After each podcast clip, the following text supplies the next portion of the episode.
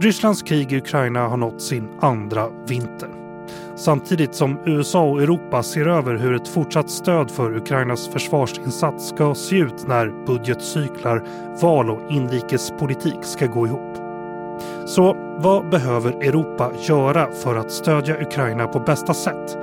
Kan väst matcha Rysslands produktion av krigsmateriel när Ryssland ställer om allt mer till en krigsekonomi? Och hur viktig är den europeiska opinionen för att Ukraina ska få den hjälp hon behöver?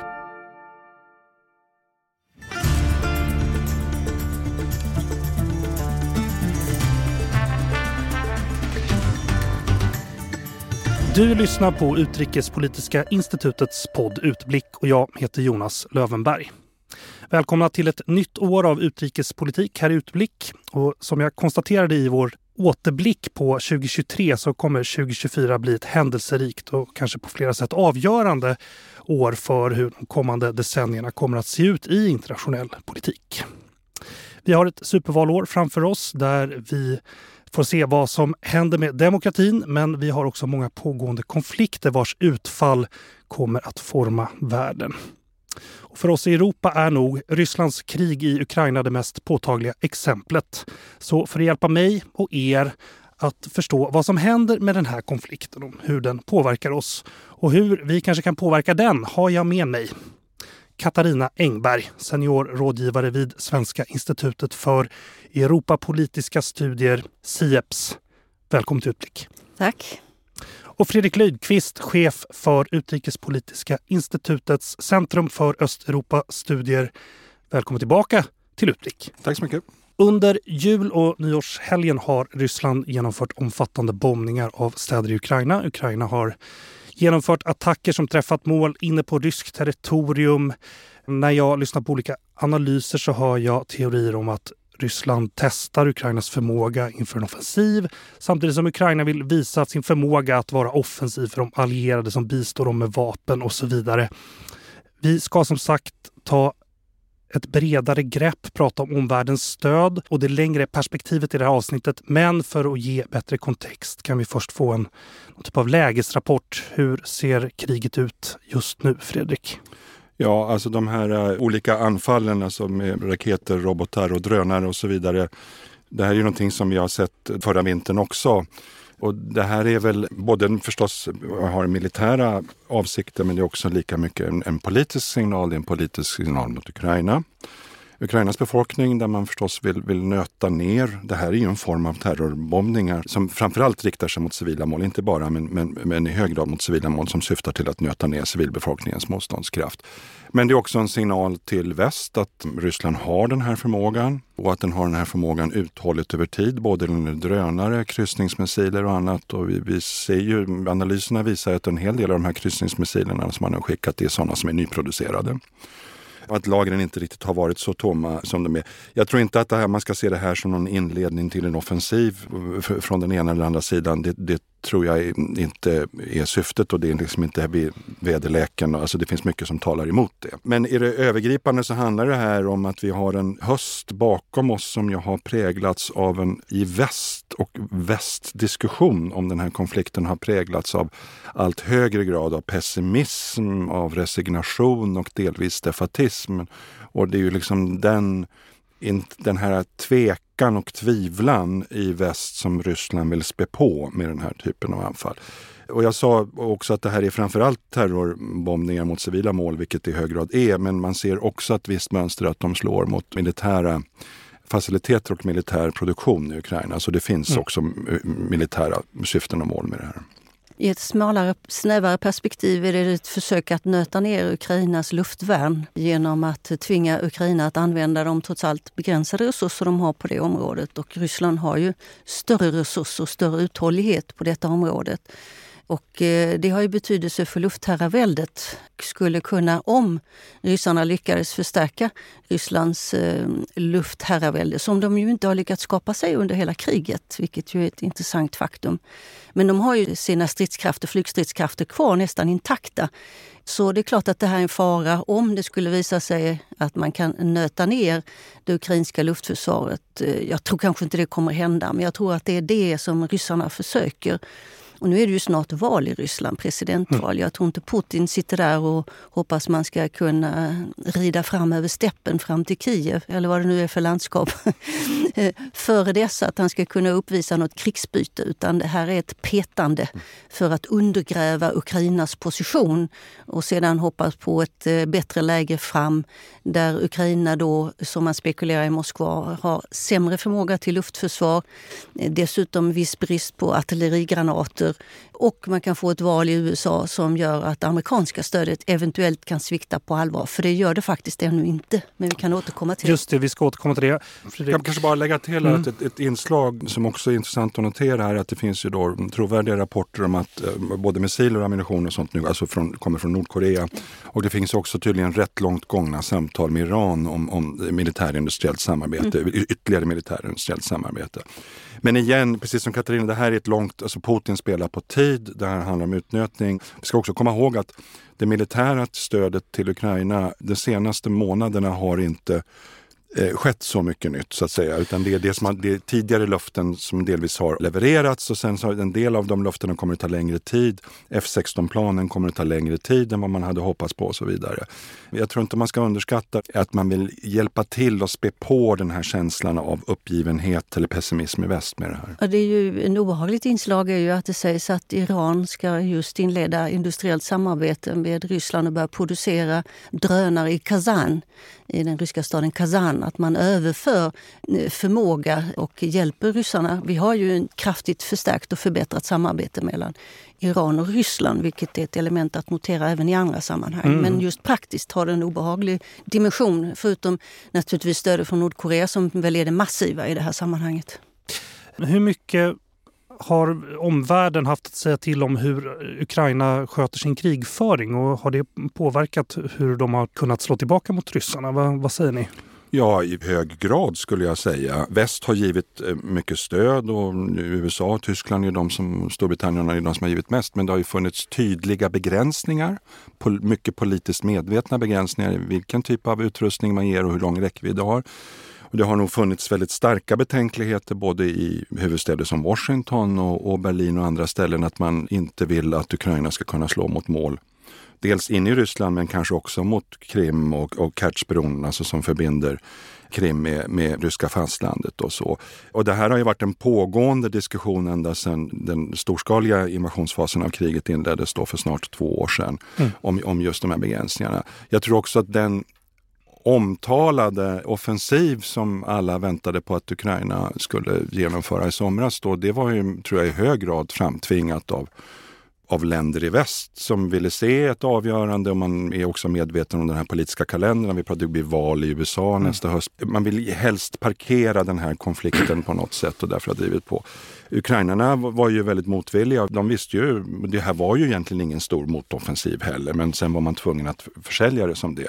Och Ukrainarna visste ju också att man, det saknades eh, utrustning, det saknades personal och det saknades träning och så vidare. Så det pågår ju ett spel mellan Ukraina och västliga huvudstäder hela tiden här. Och inte minst har Ukraina velat ha långräckviddiga precisionsvapen, alltså tyska Taurus, amerikanska Attackam som, som, man har fått, som är mer långräckviddiga. Eh, Taurus har de inte fått, men Attackams har de fått några stycken mm. och är begränsat. Det här är en pågående spel hela tiden mm. där det uppenbarligen finns krafter i väst som är fortfarande rädda för att Ukraina skulle slå mot vissa mål eller bli framgångsrika skulle kunna ha en potentiell eskalationsrisk och så vidare. Om det nu är så att man på västlig sida har trott att det skulle gå att med den nya utrustningen på ukrainsk sida tränga igenom de här barriärerna och mineringen som ryssarna har byggt upp. För det är ju ett känt faktum att det är väldigt svårt att forcera. Det har inget nytt inslag i krigföring heller. Eh, och under kalla kriget var det här ett inslag i försvarsplanering även på västlig sida och kostnadseffektivt sätt att bygga barriärer av olika slag för att förhindra en offensiv, eller i det ukrainska fallet att ta tillbaka territorium. Så det vet vi inte riktigt hur man har tänkt på västlig sida. Det förefaller ha varit orealistiska antaganden från början. Men sedan kan man väl också notera det här när det gäller ukrainsk förmåga. Man har ju från dansk sida nu skjutit upp användandet av F16 därför att personalen behöver utbildas under längre tid än ukrainska. Och jag tror det är en tillbakahållande faktor på ukrainsk sida att man förvisso har fått rätt mycket materiel men man är inte tillräckligt utbildad, i alla fall inte tillräckligt många och på olika befälsnivåer i den ukrainska stridsmakten för att ordentligt kunna använda de här, den här materielen och eh, dessutom leverans av sådant som går sönder till de här systemen, till exempel eh, Leopardstridsvagnarna. Det har inte fungerat som det var tänkt. Så jag tror att man från västlig sida nu tänker sig att eh, hjälpa ukrainarna till större uthållighet genom att satsa på deras utbildning. Mm. Och det är ju inga kvicka resultat i någon form av någon sommaroffensiv. Utan det är ett långsiktigt arbete och att planera för sammanhållna stridskrafter med alla försörjningssystem på plats. Det är ju en mycket avancerad form av eh, planering och jag tror inte man kunde ha förväntat sig att det skulle skett för ett år sedan. Det är något som har växt fram. Men jag tror att där ligger en begränsning på ukrainsk sida som man nu från västlig sida försöker hjälpa dem med. Och dessutom att man försöker få till stånd industriell produktion i Ukraina av försvarsmateriel i ökad utsträckning. Ukraina har ju viss sådan, sådana strukturer men vi har också bilaterala samarbeten på gång med Rumänien, Polen, Tyskland och så vidare för att tillverka mer materiel inom landet så att de inte ska på sikt vara så beroende av västliga leveranser. Vi hörde ju Zelensky på Folk och försvarskonferens när han öppnade den här att han vädjar just om ett svenskt-ukrainskt samarbete av det här slaget, produktion i Ukraina. Så allt det pekar på att för att Ukraina ska kunna hålla mark och kanske ta tillbaka mark så handlar det om planering på djupet och i stor skala som där jag tror det nu finns en ny insikt från västlig sida att det är här vi måste satsa. Mm. Det är just det här med stödet, vi ska prata mycket om det. Europeiska rådet skriver på sin sajt EU står orubbliga sida vid sida med Ukraina och Ukrainas folk kommer att fortsätta att ge starkt stöd till landets ekonomi, samhälle, väpnade styrkor och den framtida återuppbyggnaden. Och I december förra året så kom Ukraina ett steg närmare ett EU-medlemskap. Det är ju en grej. Men samtidigt så lyckades inte EU komma överens om ett stödpaket till Ukraina. Eller de var väl i och för sig ganska överens, men vi kommer till det. Och jag tänkte vi skulle börja med pengarna. Hur stort var det här stödpaketet och varför gick det inte igenom, Katarina? Ja, först bara en sak som jag tycker man ska reda ut ja. i eh, hur det förklaras i media. Det här eh, tvekan från amerikansk och eh, europeisk sida när det gäller leveranserna framåt, 24. Mm. Både finansiella, humanitära och det militära. Att det nu har fastnat ska inte tolkas som någon slags uttryck för någon totalsvikt av eh, västlig önskan att stödja. Det finns sådana element, man ska inte underskatta dem. Men det handlar helt enkelt om att budgetcyklerna bryts nu. Det vill säga de bröts den 30 september redan i USA. Då gick budgetåret mot sitt slut. Och det innebär att den amerikanska kongressen gick in i en jättekomplicerad budgetförhandling som det alltid blir när de ska fatta beslut om ny kongress. De får ibland nästan ju stänga sina flygplatser för att personalen inte har fått lön på grund av de här förhandlingarna i kongressen. Så amerikanernas budgetprocess sitter fast sedan den 30 september och det är en komplikation. Vi kan komma sedan till vad pengarna var. Men också för EU så är det så att man har en sjuårig budget. Och nu befinner man sig mitt i den och det gör man en så kallad midterm review. Man ser över vad är det som har fungerat väl? Kan vi möjligen eh, lägga till lite nya pengar och skifta om så kallad top-up money som ju eh, kommissionen hade föreslagit 100 miljarder euro från början och det handlade allt från Ukraina till kommissionens löner. Och det är klart, då blir det ju kattrakande inom Europeiska unionen. Förutom att olika medlemsstater då har sina egna specialintressen att bevaka och det gäller ju framför allt Ungern. Så den översynen sker nu inom EU. Så man ska notera att trasslet i det här sammanhanget har till betydande del att göra helt enkelt med budgetcyklerna, hur de ser mm. ut. Det hade blivit trassligt även om stödet hade legat på 120 procent i, i väst. Så vi, man ska skilja det från det tekniska från det politiska. Men om vi ska uppehålla oss vid det tekniska så har ju då eh, det Europeiska rådet, eftersom man inte kom överens i mitten på december på sitt möte, och Europeiska rådet det är ju stats och regeringschefer, så ska man mötas den 1 februari. Just. Och då får vi en lösning på det ena eller andra sättet. Antingen från EUs budget som det var tänkt från början Och om Orbán och Ungern fortsätter att bråka, vi kan återkomma till detaljerna, så löser man det genom en bilateral överenskommelse mellan medlemsstaterna utan Ungern. Men man har redan signalerat till Kiev, ni kommer få era pengar i slutet av mars. Och det kommer också öppna för bidrag från eh, den internationella valutafonden. Det finns många detaljer där, men bara för att först lägga den bilden. Ja, ja. Jag läste någon intervju med Macron som uh, ju antydde att vi kommer lösa det, pengarna kommer i varje fall. Så det, viljan verkar ju finnas där. Vill du säga något Fredrik? Ja, pengarna är ju inte oviktiga. Nu kan man säga att det här och den här så kallade Ukraina-paketet som man har pratat om, om mm. sammanlagt 50 miljarder euro över fyra år, det är ju just en del av den här budgetöversynen. Så det här det kom ju med kalendern här så att säga. Ja, 100 liksom... miljarder var totalpaketet ja. inklusive kommissionens löner och allt annat. Mm. Bara för att sätta det här i proportion, det här är 50 miljarder till Ukraina över fyra år varav 33 miljarder är mjuka lån och 17 är så att säga direkt stöd. Det ska liksom täcka dels det som man brukar kalla för makrofinansiellt stöd, alltså helt enkelt för att hålla den ukrainska budgeten igång. Och sen är det liksom det som eh, recovery, ett försteg till återuppbyggnaden, reconstruction och sådana saker. Och det kan låta som stora pengar men i stora taget så är det ju väldigt små pengar. Så vi ska komma ihåg att EUs post-covid-subventioner var ett paket som omfattade 800 miljarder euro. Så att egentligen så i EU-sammanhang så borde det här inte vara något större och det ska räcka eh, över en lång tid. Sen var det ju, fanns ett annat, en annan finansiell aspekt som inte heller är löst och det är att man skulle toppa upp den här eh, eh europeiska fredsfaciliteten, EPF, med 20 miljarder. Alltså det som EUs medlemsländer använder för att finansiera militärt stöd till Ukraina. Så det är liksom två viktiga finansiella beslut. Men det här finansiella, det makrofinansiella stödet, det är akut. Alla ukrainska inhemska stats, skatter, intäkter går till krigföringen. Allt annat för att hålla den offentliga sektorn igång i Ukraina så är man helt beroende av stödet utifrån. Och de pengarna håller på att ta slut. Så eh, det är ganska bråttom. Sen det kommer att lösas på ett eller annat sätt. Och det här har hänt tidigare i EU. Det är ingenting konstigt. Och vi har pratat om det tekniska här nu då, men Ja, Viktor Orbán satte sig ju på tvärs här och eh, ville inte ge något stöd till Ukraina. Varför då, Katarina? Ja, alltså två saker det var två saker som låg på bordet. Det ena var, skulle man ge grönt ljus till eh, Ukraina för medlemskapsförhandlingar? Ja. Och det andra var, hur skulle man ställa till de här pengarna som vi talade om? Och det är ju intressant att notera bara en teknisk detalj där då. Att fredsfaciliteten ligger utanför EUs budget därför att på grund av EUs fördrag och bestämmelser så kan man inte använda den gemensamma budgeten för den typen av militärt stöd. Därför hamnar rätt mycket av det militära stödet till Ukraina på bilateral basis utanför den gemensamma budgeten. Däremot kan man använda den gemensamma budgeten just för eh, makroekonomiskt stöd och så vidare. Orban han, ehm, han är ju en god, eh, god vän med Putin. Han mötte ju Putin för inte alls länge sedan. Och man fortsätter importera mycket olja från, eh, från Ryssland. Orban är en av de största bidragsmottagarna från EUs sammanhållningsfonder och jordbruksfonder som utgör de två stora delarna av EUs budget.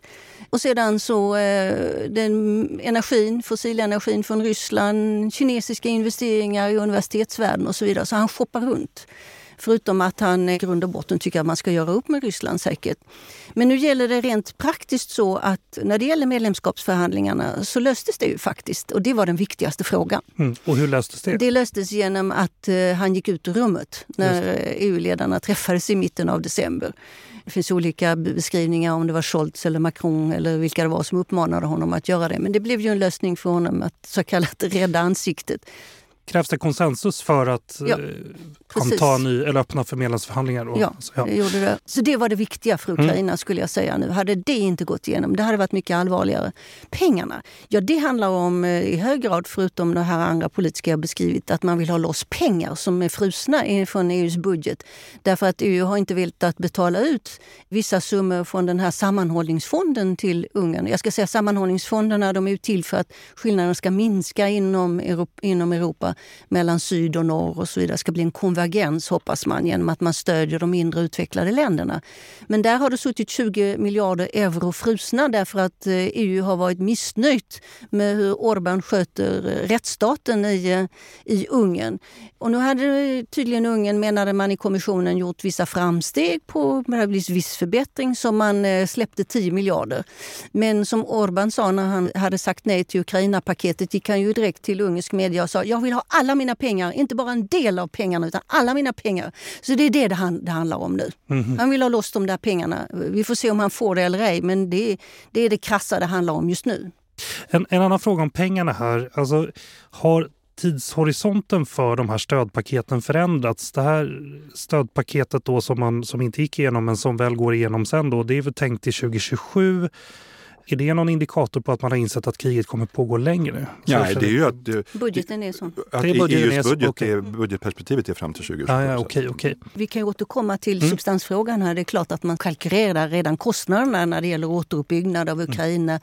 Hur stor andel de ska få av sammanhållningsfonder och jordbruksstöd och så vidare. Det är jätteviktiga frågor för EU nu, särskilt om man ska inleda medlemskapsförhandlingar med Ukraina. Men det kan vi återkomma till. Det var ju två stora frågor som låg på bordet, beslutsbordet då i december Europeiska rådet och det ena det här formella beslutet om att Ukraina är berett och också Moldavien då är berett att inleda medlemskapsförhandlingar.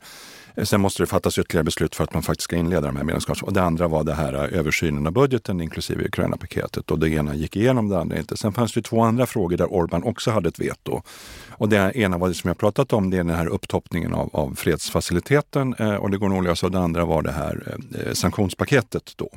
Just det, vi... sanktionspaket. Ja. För det hade varit rätt segdragna förhandlingar men det gick ju faktiskt igenom. Man enades om det och rådet kunde formellt samta det sen veckan efter så att säga. Så att det var liksom av fyra sammanlagda möjliga vetotillfällen så två gick igenom och två går nu fram till då första februari eller i januari och kan lösas. Det sammanföll olyckligt i kalendern här och beslutet om att inleda de här medlemskapsförhandlingarna var ju framförallt psykologiskt och politiskt väldigt viktigt efter den här hösten som hade präglats av så mycket missmod och pessimism och, och resignation. Så det var en väldig tror jag, suck av lättnad, inte bara i Ukraina utan också i, i väst. Och det är förstås också en signal till, oerhört viktig signal till Ryssland och också inte minst till USA. Om Europa inte visar att vi är beredda att stödja Ukraina, varför ska då amerikanska politiker eller kongressledamöter eller amerikanska väljare stödja? Så det, det finns många mottagare av den här eh, signalpolitiken. Så att säga, eller signal... Man kan också dissekera det här med pessimismen tycker jag.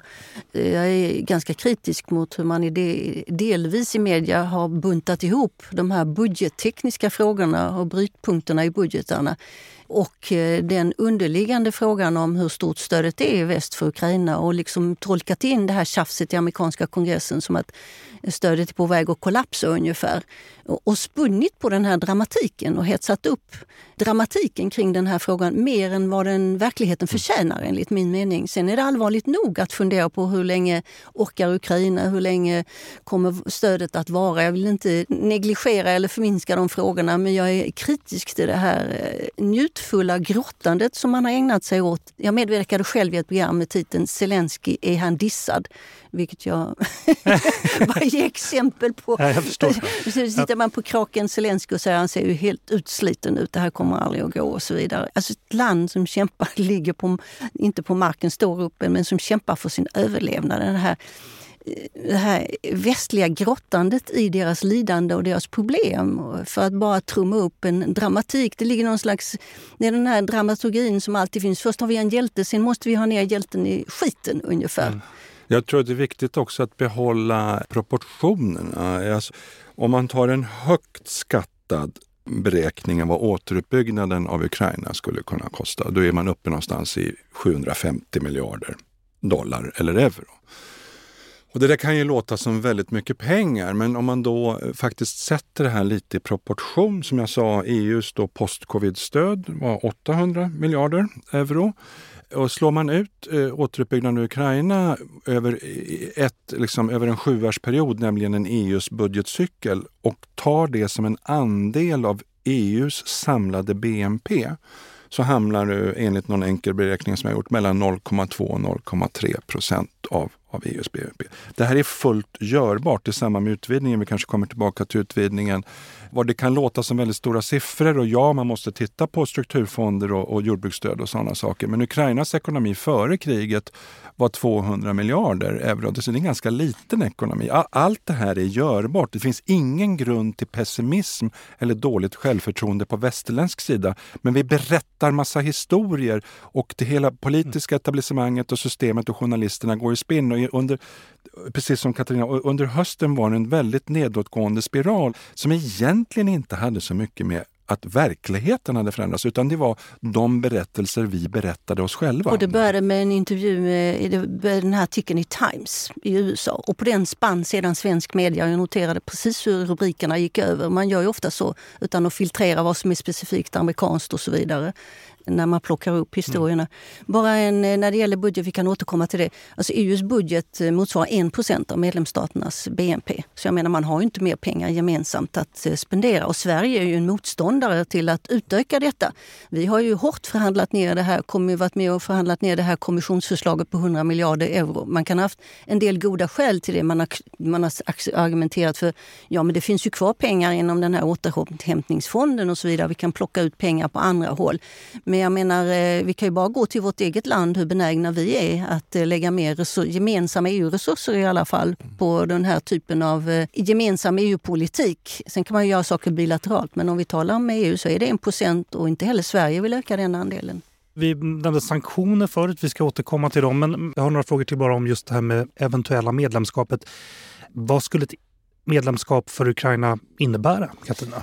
Det kommer bli ett nytt EU för det första. Man kan inte fungera som man har gjort tidigare, det vill säga de här länderna på västra Balkan. Om jag hårdrar det lite så är det, för uppfylla alla våra krav så kan ni om 20 år kanske få gå med. Alltså det fungerar inte längre av geopolitiska skäl. Och det säger alla de stora europeiska ledarna nu att av geopolitiska skäl måste vi integrera Ukraina.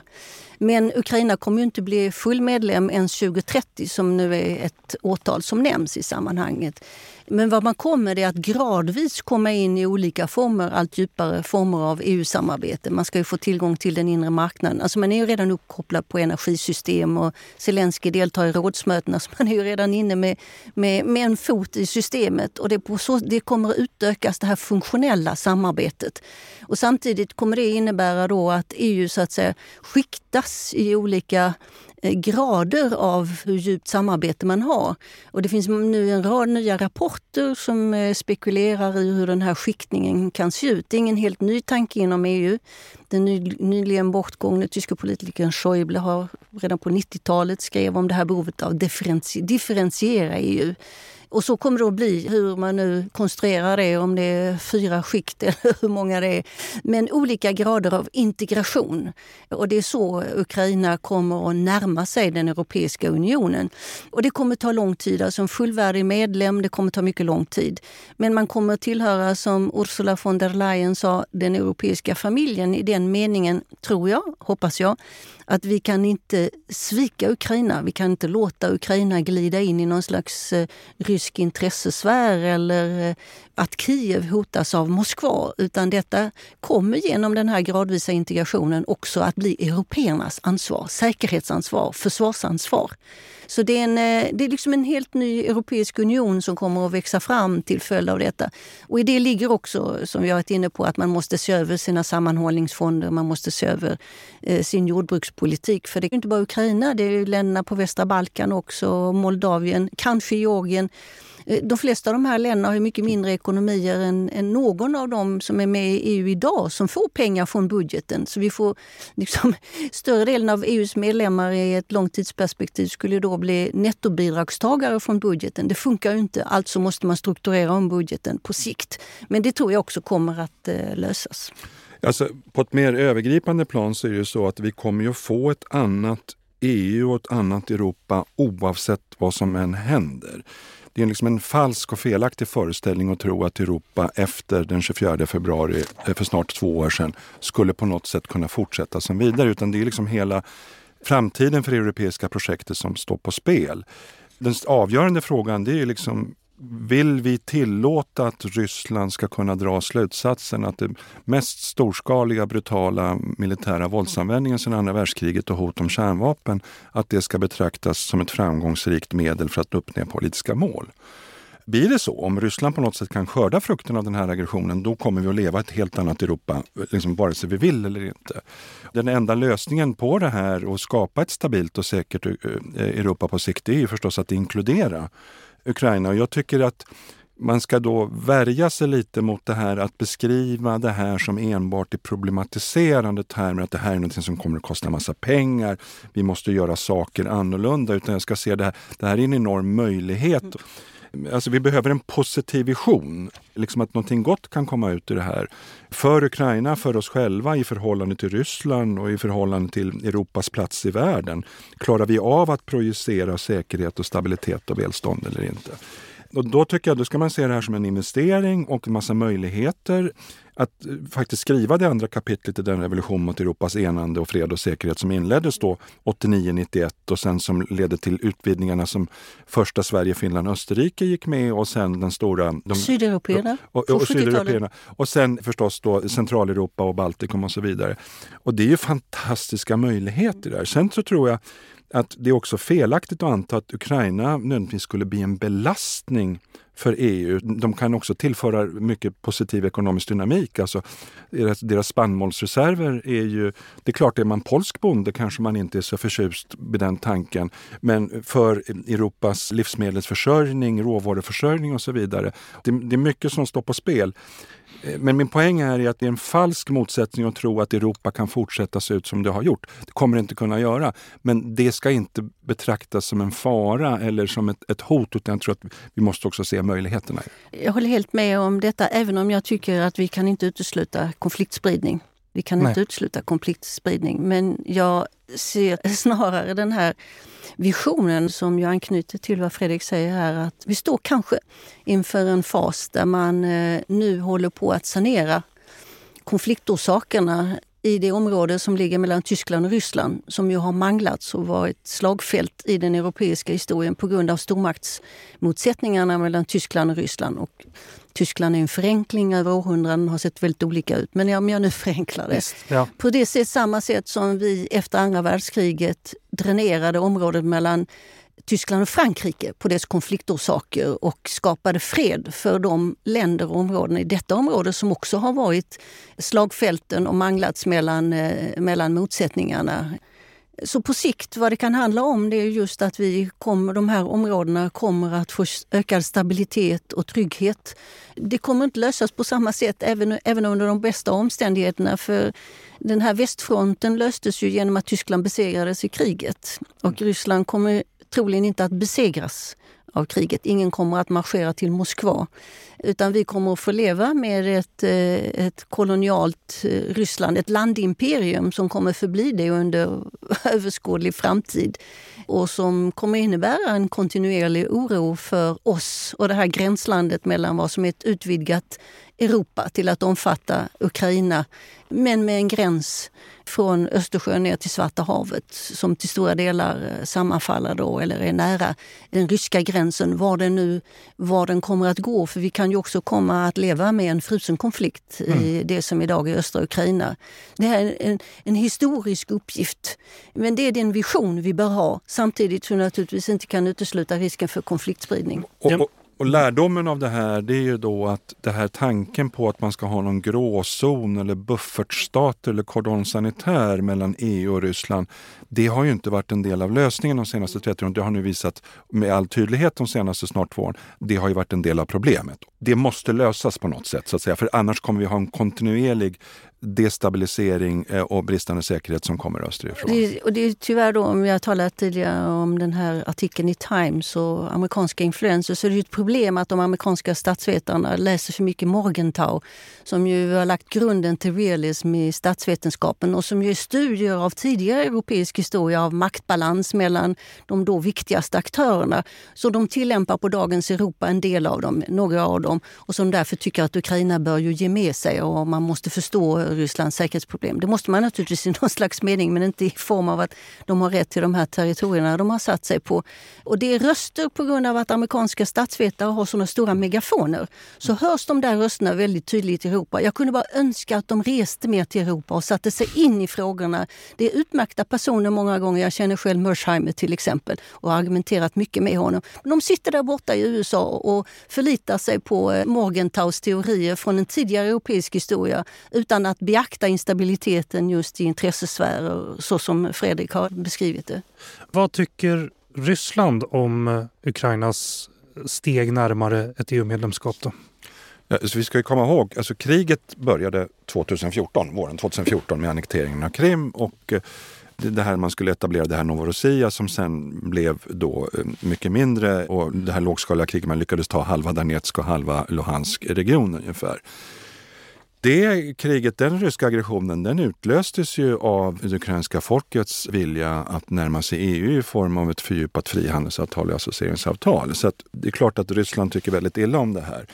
Men det man, den riktigt stora frågan som, som är mycket viktigare för Ryssland är förstås Nato. EU betraktas inte som lika farligt eller lika irreversibelt som Nato och ett NATO-medlemskap ska göra. Men, men visst tar man det på allvar. Det är klart att har de ryska krigsmålen uppnåtts på något sätt? Alltså man vill ju ha en total underkastelse och kontroll över Ukraina inrikes, utrikespolitiskt och säkerhetspolitiskt.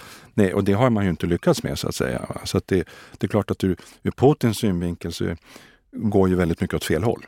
En annan stor spelare vi måste prata om här är väl USA. Och det är ju val under 2024. Finns det någon prognos på vad som kan hända med stödet till Ukraina om, om Trump lyckas bli nominerad och sedan vinna valet? Eller vad innebär det om Biden får sitta kvar? Vad, vad säger du om det här, Katarina? Ja, först så sitter ju också i den amerikanska kongressen så sitter det ju fast olika budgetförslag, bland annat ett säkerhets paket på 100 miljarder dollar som också innehåller, förutom 60 miljarder till dollar då, till Ukraina, innehöll eh, 11 miljarder till Israel. Inget av det har gått igenom därför att man befinner sig i det här hästhandlandet mellan demokrater och republikaner om, som har att göra med om man ska förstärka gränsen mot Mexiko och så vidare. Det är ju det republikanerna vill ha ut. De vill ha ut mer pengar för det. Så kanske de går med på det andra kan jag tänka mig. Det är i alla fall så man sitter och förhandlar. Och sen har visserligen Republikanerna då på, röstat igenom eh, stödet till Israel men det ska baseras då på tänkt att man ska ta från skatteintäkterna. Så därför har Demokraterna sagt nej till det. Så allt sitter fast. Men det finns väl anledning att tro att eh, man trasslar sig ur det här från amerikansk sida så att åtminstone Ukraina får ett ordentligt stödpaket från, från USA under det kommande året. Men sen har vi ju då det amerikanska presidentvalet i november.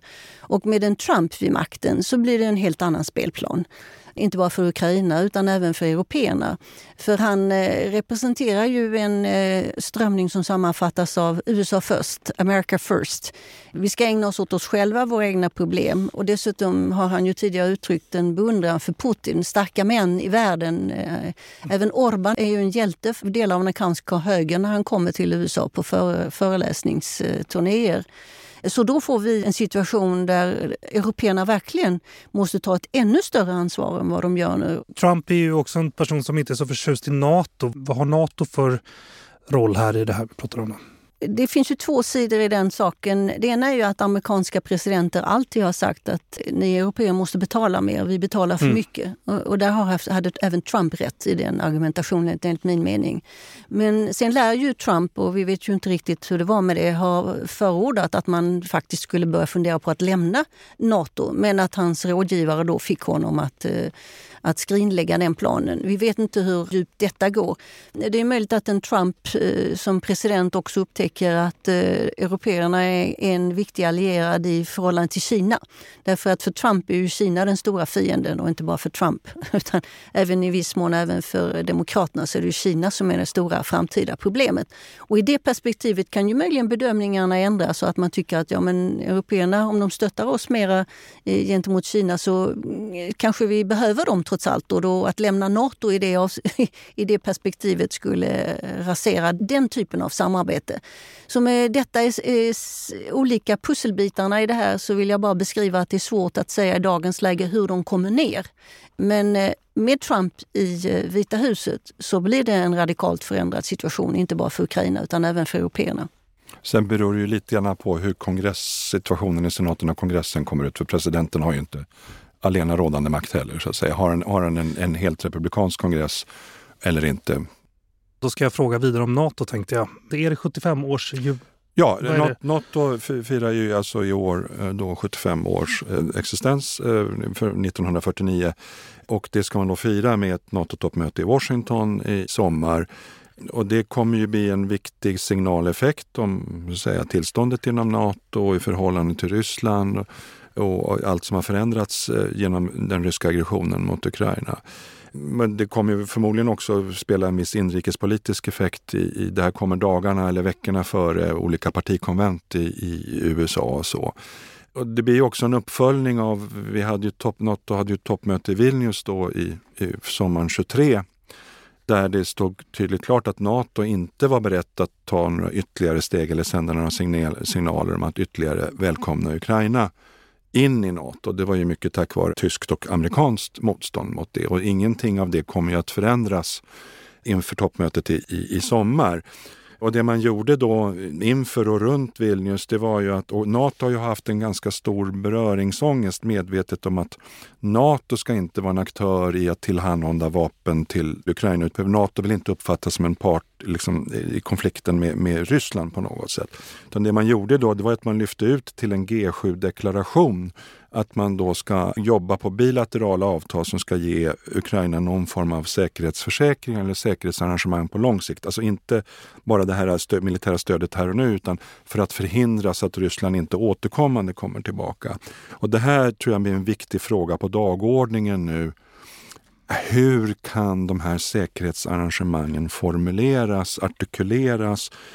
Det pågår ju en del tänkande och det tror jag är viktigt att det finns en i avsaknad av att det kommer att komma en tydlig inbjudan från Nato till Ukraina så måste man erbjuda ett mer eller mindre trovärdigt alternativ och det blir en väldigt viktig arbetsuppgift mellan nu och fram till juli som, som västvärlden och förmodligen under amerikanskt ledarskap står inför. här.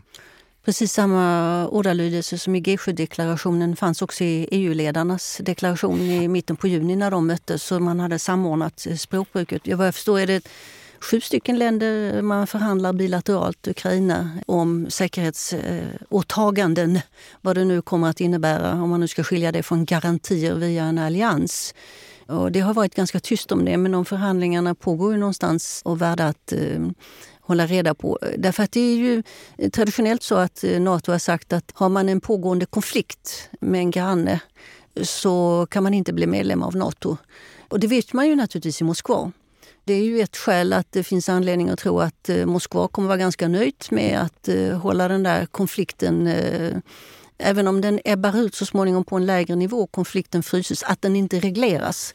För då får inte Ukraina det där fredsavtalet som skulle kunna underlätta ett NATO-medlemskap. Å andra sidan, i ett sånt läge kanske Ryssland då sitter kvar fortfarande på delar av Ukrains territorium och det kan ju vara svårt för den ukrainska ledningen också att gå med på att man avträder de territorierna. Så det kan förbli så. Det är en, en möjlig utveckling som man ska ta i beaktande att vi har en frusen konflikt i östra Ukraina. Territorier skiftar fortfarande, men i alla fall att frågan inte regleras.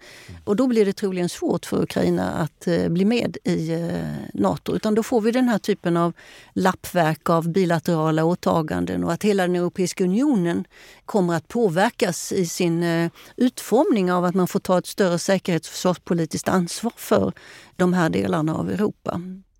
Och det är, det är väl ett, till och med tror jag, ett 40-tal länder som har uttryckt att de är beredda då att ingå någon form av avtal med Ukraina på det här. Men det Ukraina vill ha det är ju något, någon slags eh, rättsligt bindande försvarsgarantier eller åtaganden och så. Det finns ju väldigt få västerländska länder som är beredda att ge. Och som ju stod klart för Sverige då förra våren, eh, eller så våren 2022 när vi skulle närma oss NATO-medlemskapsansökan, det var ju att Nato gjorde mycket klart att garantier, säkerhetsgarantier finns bara i form av artikel 5.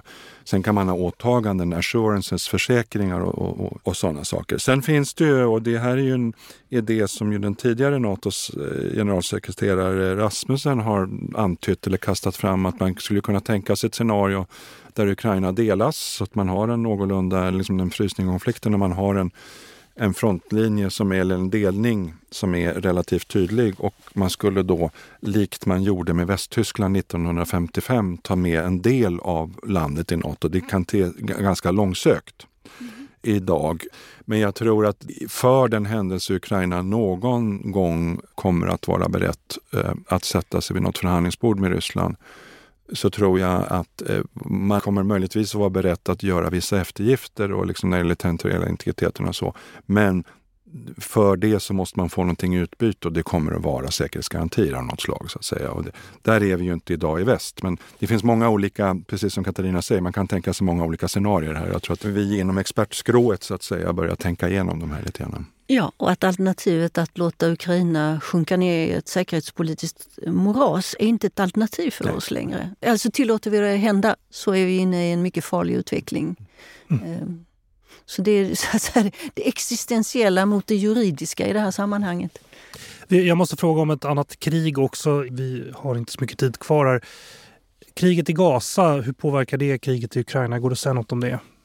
Fredrik? Ja, det är klart att västvärlden och inte minst Vita husets och USAs uppmärksamhet är tvingande att man, man måste dela den. Den blir ju mer begränsad för Ukraina. Mm. Och sen så handlar det också om hur de olika konflikterna uppfattas i liksom globalt i, i den liksom omvärlden. Jag tror att det här har försvårat kanske möjligheterna att få ett gehör för det rättfärdiga i Ukrainas kamp i stora delar av det som man då lite slarvigt brukar kalla för det globala syd, liksom de globala partnerserna. Och det fullkomligt eh, perversa, bizarra här är ju då att Ryssland, som ju då är det här är alltså kriget mot Ukraina är ju precis som Katarina var inne på, det här är ju ett imperialistiskt kolonialkrig. Så Ryssland är idag den stora liksom, kolonialförbrytaren. Men att medan Ryssland nu internationellt eller globalt i globala syd försöker sälja in sig som den stora sammanhållande kraften för den antikoloniala rörelsen i världen, vilket är liksom fullkomligt upp och nervända världen alldeles mm. under landet och så. Men den typen av berättelse och narrativ finns där och också man suddar ut här, vem är aggressor och vem är offer, som är väldigt solklart i Ryssland och Ukraina. Men det, det suddas ut liksom av den här diskursen, samtalet kring Israel och Hamas. Det är en majoritet av FNs medlemsstater som har fördömt den ryska aggressionen. Men av de som, rätt många länder la ju ner sina röster. Det var väldigt få som stödjer Ryssland uttalat. Nicaragua, Kuba och så vidare, Nordkorea. Men många länder, inte minst i Afrika, la ju ner sina röster eh, och eh, även Indien, Eh, ett viktigt land.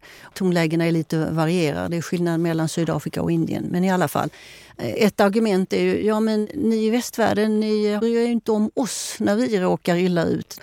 Ni har en eh, dubbelmoral, ni är hycklare och ni har ett en dubbelt eh, sätt av värderingar som ni tillämpar på olika sätt. Och när palestinierna lider, då bryr ni er inte. Därför ligger vi lågt. Därför vi tycker, och det är en, en parallellt flöde då, vi tycker att det är dags för förändrade maktförhållanden i världen, att väst inte får dominera så mycket som mm. man gjort tidigare i eh, olika institutioner eh, men också i den här typen av frågor, hur man eh, värderar mänskligt lidande i olika konflikter. Och den här strömningen tror jag har fått vatten på sin kvarn av kriget i Gaza. Därför det ser man, menar man, ja men här ser vi ju, det går det är 20 000 eller vad det nu är palestinier som har dödats så vi hör inte mycket upprördhet från er sida. Så hur mycket är ett ukrainskt liv värt i förhållande till palestinska? Ni har verkligen olika värderingar för olika delar av världen. Nu kan man ju tycka att var, varför ska Ukraina lida för, för det? För det är säkert så att västvärlden kan kritiseras för mycket, men varför ska Ukraina lida för det? Vi kommer ju då att finna i den här så kallade i det här globala samhället som ibland kallas globala södern att eh, västvärlden inte har monopol på hyckleri och, och dubbelmoral. Det kommer dyka upp även på annat håll. Mm. Men det finns en sån här under, stark underströmning att världen, att det är dags för ett eh, ett maktskifte och då vill vi inte köpa alla västvärldens argument, inklusive stödet till Ukraina. Och det är någonting man kan bekymra sig för när det gäller Ryssland, att egentligen borde de ju vara isolerade, men de är ju inkopplade i den här strömningen, även om de långt ifrån har stöd av alla. De har inte av Indien och så vidare. Men att de inte är isolerade. Vi har talat om det militära stödet från Nordkorea, Iran och alla halvledare som går via Kina eller Turkiet. Och de har klarat ekonomin hyggligt trots alla sanktioner därför den globala ekonomin är mycket mer flexibel numera än vad den har varit tidigare. Så det ger Ryssland en eh, uthållighet och en genklang i delar av den globala opinionen som vi eh, måste bekymra oss för. Och en test kommer ju nästa gång FNs generalförsamling ska rösta. Den här återkommande årliga omröstningen om hur man ser på eh, Rysslands roll i eh, Ukraina-kriget. Då får vi en test på om det är ännu fler länder som lägger ner sina röster eller mm. om det ser ut som det gjorde förra året. Du var inne på någonting där, halvledare. Jag måste också ställa en fråga om, om sanktionspaketen. Det har kommit ett nytt sanktionspaket, är det tolfte va? Är det? Mm. Bland annat diamanter är väl en mm. stor grej där. Men Ryssland hittar ju många sätt att kringgå sanktionerna. Liksom hur hårt drabbar egentligen sanktionerna Ryssland? Kan vi säga något om det? Jo, men alltså sanktionerna drabbar Ryssland och den stora frågan är vad som slår, det som är helt avgörande för rysk ekonomi är intäkterna från oljeförsäljningen. Just det. Och det är den stora avgörande frågan. Sen är det så att alltså västs handel med Ryssland har ju de facto gått ner med alltså hälften eller mer än hälften sen för, liksom innan sanktionspaketen. Och det är inte bara sanktioner utan det finns ju många företag som har dragit sig tillbaka. Och eh, visst har det här tydliga effekter och Ryssland har inte kunnat ersätta den här handeln eller inkomsterna enbart med liksom import från Kina eller vad det nu är. Med sanktionerna är så att en sak är då liksom de samlade sanktionspaketen, liksom ett nätverk av sanktioner som EU har men också de övriga G7-länderna USA, Storbritannien och, och, och, Japan och Sydkorea och andra. Och det liksom knyts vidare. Och kanske den enskilt viktigaste frågan är det, är det här så kallade oljepristaket. Nu har man ju satt ett tak, alltså Ryssland ska inte få sälja olja för mer än 60 dollar fatet men det har funnits sätt att kringgå det där. Men en minst lika viktig sak som man börjar prata nu, eller två viktiga saker. Det ena är att vi, de länder som har infört de här sanktionerna, att vi måste bli mycket bättre i vår sanktionsimplementering, i verkställandet. Mm. Har vi verkligen myndigheter och resurser att se till att de här sanktionerna efterlevs. Och den tredje frågan då är liksom, hur kan vi få tredje part mm. att inte motverka? Och där sker ju olika ansträngningar. Det är liksom en katt och råtta-lek det här förstås. Och så. Jag vill bara varna för den här bilden om att sanktionerna har ingen verkan. Jo, de har en verkan. Mm. Har de haft den verkan som vi idealt skulle vilja ha på väldigt kort tid? Nej, det här är liksom ett långsiktigt spel. Men det är klart att det här eroderar på sikt den ryska ekonomin och förmågan. Sen är det ju då när vi tittar på bland annat de här um, ryska kryssningsmissilerna andra som, som Ukraina har skjutit ner här så är det bara att konstatera att en del är nyproducerade det finns en hel del västerländska komponenter mm. i de här. Så att visst finns det utrymme för att, att förstärka och förbättra sanktionsregimerna. Jag tycker det här förtjänar en studie. Hur fungerar sanktionspolitik i dagens globala ekonomi och med näthandel och så vidare? Därför att vad jag förstår så har ryssarna förmått kringgå en del av mycket av sanktionerna genom skalbolag och, och via nät hitta alternativa leverantörer och dölja vem man är. På samma sätt som att man lyckas skeppa ut sin olja trots de här eh, 60-dollars taket och trots sanktionerna. Därför det finns eh, fortfarande redare som är beredda att skeppa sån här olja med icke sjödugliga fartyg och utan ordentliga försäkringar för sina fartyg. Och det antyder ju att det finns en större flexibilitet i den globala ekonomin än vad västvärlden har varit van vid. Så det förtjänar, tror jag, en värdering. Att eh, vad är effektivt och vad är mindre effektivt? För man kan ju inte jaga varenda näthandel, näthandelslinje i det här. Man måste liksom finna vad är precis, vad kan man kontrollera? Men det är klart att det här driver ju framförallt på inflationen i Ryssland. Vad är det, en tredjedel av budgeten nu som går till kriget? Och det är klart inflationsdrivande. Det är det som är den kortsiktiga tror jag, effekten vi ser av det, förutom den här utarmningen på sikt av eh, rysk ekonomi. Och som kan bli problematisk för regimen. Och de har, vi ska komma ihåg att alltså, den ryska ekonomin har, har ju, är ju på väg att ställas om på krigsfot så att mm. säga. Det sker enorma förändringar och även om alltså, dataunderlaget är ju väldigt osäkert och vi kan inte uh, lita på rysk statistik och så. Men ponera att det finns en viss rysk tillväxt men det här är ju liksom det är ju därför att krigsproduktionen så det levererar på pappret levereras ju men det är liksom inte någon produktiv verksamhet för samhället. Improduktiv keynesiansk politik ja, som i USA under Reagan. Det, och det, det är en slags krigskeynesianismen mm. det här. Och allt det här sker ju, det är liksom oerhört mycket pengar slussas nu in, in i, i, i militären, i militärindustriella komplexet och så vidare. Och det sker på bekostnad av någonting annat. Mm, förr eller senare så gör det det. Men igen, Ryssland har en erfarenhet av uthållighet i konflikter. Under andra världskriget så tog man ju stora förluster inledningsvis. Men man flyttade sin krigsindustri på andra sidan Ural och fick igen, igång produktionen. Så här finns ju ryska traumatiska krigserfarenheter att bygga på när det gäller att ställa om till krigsekonomi. De har gjort det förut. Nu gör de det inte därför de är angripna utan för de angriper andra. Så på det sättet har grundförutsättningarna förändrats. Men vi ska komma ihåg det här vad ryssarna har att plocka upp ur sin säck som har att göra med deras egen specifika historia. Sen ska jag igen vilja komma tillbaka till det här eh, liksom proportionaliteten. Vad är, vad är det proportionerna på det här? rysk-ukrainska kriget är ju, eller håller på att utvecklas de facto till en kraftmätning mellan rysk militärindustriell produktionskapacitet och västerländsk militärindustriell produktionskapacitet och vår vilja att ge det stödet till Ukraina. Och det är självklart så är det så att västs sammanlagda industriella eller militärindustriella kapacitet är ju vida överlägsen den ryska. Men vi måste ställa om den och ta längre tid och just nu så producerar de ryska fabrikerna fler artillerigranater än vad vi i väst gör. Det är här som det börjar nu bli ett långsamt uppvaknande i väst och hur kan vi ställa om? Och det här är ju någonting som ju också nu i dagarna har diskuterats mycket i Sälen mm. här och så vidare. Det gavs ju en uppgift, en uppgift just i Sälen att eh, Ukraina bränner av två miljoner artillerigranater per år. För väst att komma upp i den kapaciteten tar tid. Man kommer att komma dit, men det kommer att ta år. Och eh, EU har ju då lagt pengar på att eh, betala industrin i förväg för produktion av artillerigranater. Därför att industrin behöver ju alltid veta, är det här tillfälliga beställningar som det brukar vara med försvarsindustrin? Ni beställer ett system eller ett parti och sen är det slut. Eller ska vi våga satsa på långsiktig produktion? För att man ska våga göra det så krävs det offentliga garantier av något slag. Det som också efterfrågades i Sälen att Sverige nationellt ska ge. Men EU har gjort det genom att lägga pengar och ironiskt nog så är det ju så att EU kan använda sin budget för industriell krigsproduktion men inte för att betala för leveranser. Då måste man lägga utanför budgeten.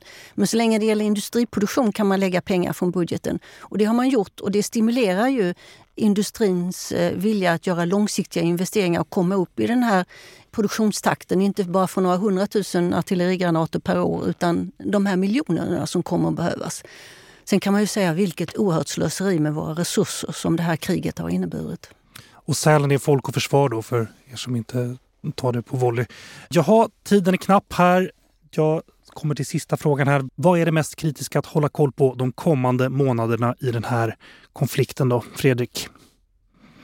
Ja, jag skulle säga ytterst så handlar det om västs sammanhållning och självförtroende och stöd. Alltså, Putin spelar på tid. Han vill nöta ner Ukraina, han vill nöta ner väst. Det kan han göra ett eller två år till. Som, som Katarina sa, Putin har inget problem med kriget. Tvärtom, kriget är nu den organiserade samhällsprincipen i Ryssland och så vidare. Men det viktigaste är att vi inte tappar självförtroendet och att vi inte fastnar i den här helt onödiga och kontraproduktiva pessimismen och, och eh, defatismen som, som höll på att sprida sig i höstas. Vad säger du Katarina? På kort sikt hur kriget utvecklar sig på slagfältet. Hur kommer det se ut till sommaren? Lyckas Ukraina ta sig igenom den här krigsvintern så kommer de ju trots allt eh, nästa år att så småningom få F16 eh, och en ökad förmåga till produktion av eh, artillerigranater och så vidare som hjälper dem. Vi får se hur det är med andra delar, framförallt deras luftförsvar. Där kan det kanske finnas tveksamheter. Jag tror man från amerikansk sida har börjat säga att det här med Patriot-leveranser kanske vi inte långsiktigt kan hålla på med på samma sätt. Men i alla fall, lyckas de klara sig igenom den här krigsvintern så tror jag nog att eh, om den västliga viljan finns så kan eh, Ukraina fortsätta att stå emot. Katarina Engberg, senior rådgivare vid Svenska institutet för Europapolitiska studier. Fredrik Löjdqvist, chef över Centrum för Östeuropastudier. Tack för att ni kom. Tack. Tack. Nu har du lyssnat på Utrikespolitiska institutets podd Utblick. Glöm inte att trycka på prenumerera-knappen i appen där du lyssnar på oss. Om du vill veta mer om UIs forskning och omvärldsbevakning, titta in på ui.se. Där kan ni också klicka er vidare till Centrum för Östeuropastudiers egen sajt. Och vill ni kolla närmare på vad Svenska institutet för Europapolitiska studier håller på med så hittar ni dem på sieps.se. Vår vignett är komponerad av Frid en Frid. Vi spelar in hos Red Means Go och i kontrollrummet idag sitter Kyle Rosén. Jag heter Jonas Lövenberg. På återhörande.